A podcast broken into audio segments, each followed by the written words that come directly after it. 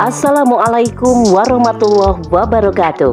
Sahabat podcast Narasi Pos Media, kembali lagi bersama saya, Yeni dalam rubrik Opini. Berikut selengkapnya. Pelecehan seksual kian marak. Bukti demokrasi gagal dan rusak. Oleh Pahriyati SSI. Lagi dan lagi, pelecehan seksual terus terjadi. Lebih parahnya, perbuatan bejat ini dilakukan oknum polisi. Bukan hanya sekali tapi untuk kesekian kali. Geram, miris, ngeri, bercampur aduk dalam diri. Ada apa dengan negeri ini? Pada akhir Februari lalu, seorang oknum anggota Polairut Polda Sulsel AKBPM ditahan karena menjadikan gadis SMP IS 13 tahun sebagai budak seks selama berbulan-bulan.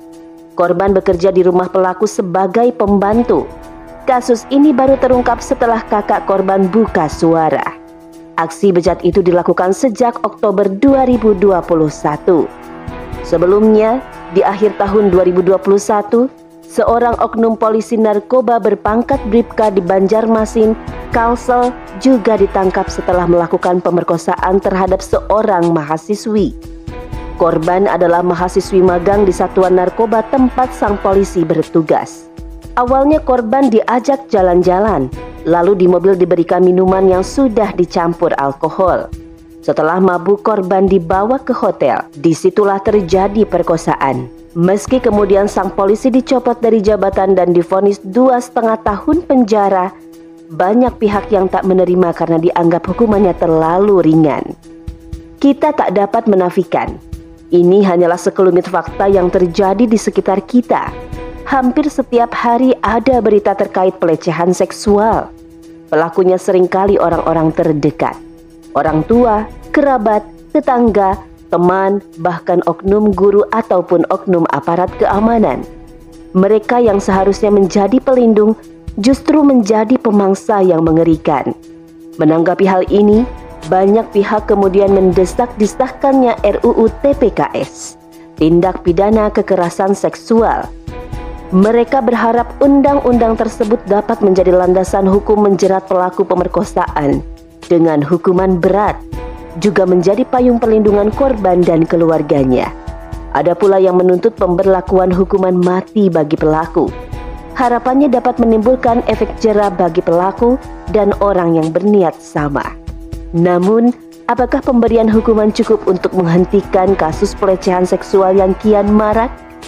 Demokrasi sering dikatakan sebagai sistem terbaik di dunia, sistem yang mengakomodasi keinginan rakyat.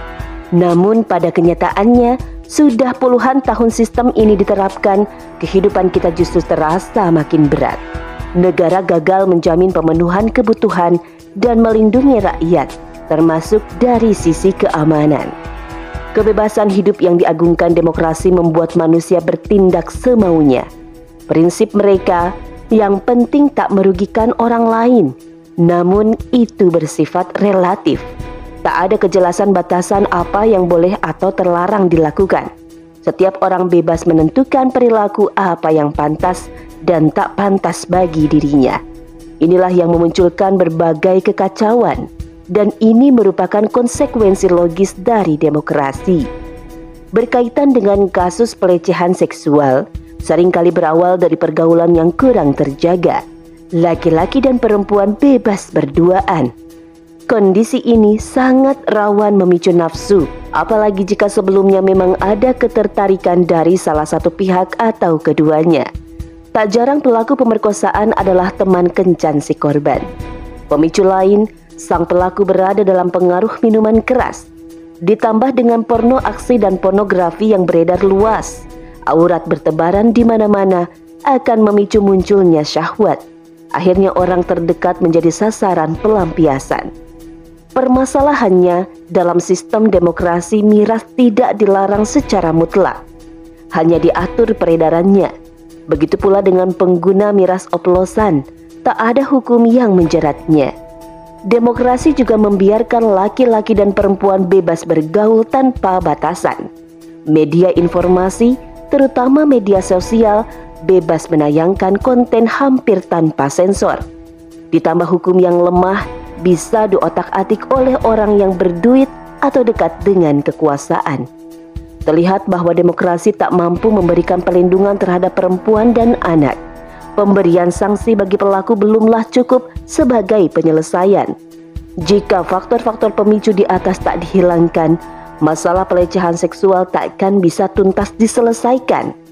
Kondisi itu juga dialami oleh Barat sebagai negara awal pengusung demokrasi. Jadi jelas, demokrasi memang sistem yang gagal dan rusak. Sistem demokrasi telah terbukti gagal menjamin keamanan dan kenyamanan rakyatnya. Satu-satunya pilihan hanyalah kembali ke sistem Islam. Karena Islam punya aturan yang paripurna Seperangkat aturan tersebut menjamin kehidupan yang kondusif. Islam mendorong umatnya senantiasa meningkatkan keimanan dan ketakwaannya. Ini adalah benteng utama untuk menjauhkan seseorang berbuat maksiat. Tak ada kebebasan seperti yang diajarkan demokrasi. Segala tindakan harus senantiasa terikat dengan hukum syarat. Islam mewajibkan laki-laki dan perempuan menjaga pergaulannya, hidup secara terpisah, kecuali untuk hal yang dibolehkan secara syar'i. Dalam urusan pekerjaan pun tetap ada batasan yang harus dijaga. Selain itu, ada perintah menundukkan pandangan dan menutup aurat. Ada larangan kholwat dan ikhtilat. Perempuan yang safar harus disertai mahram.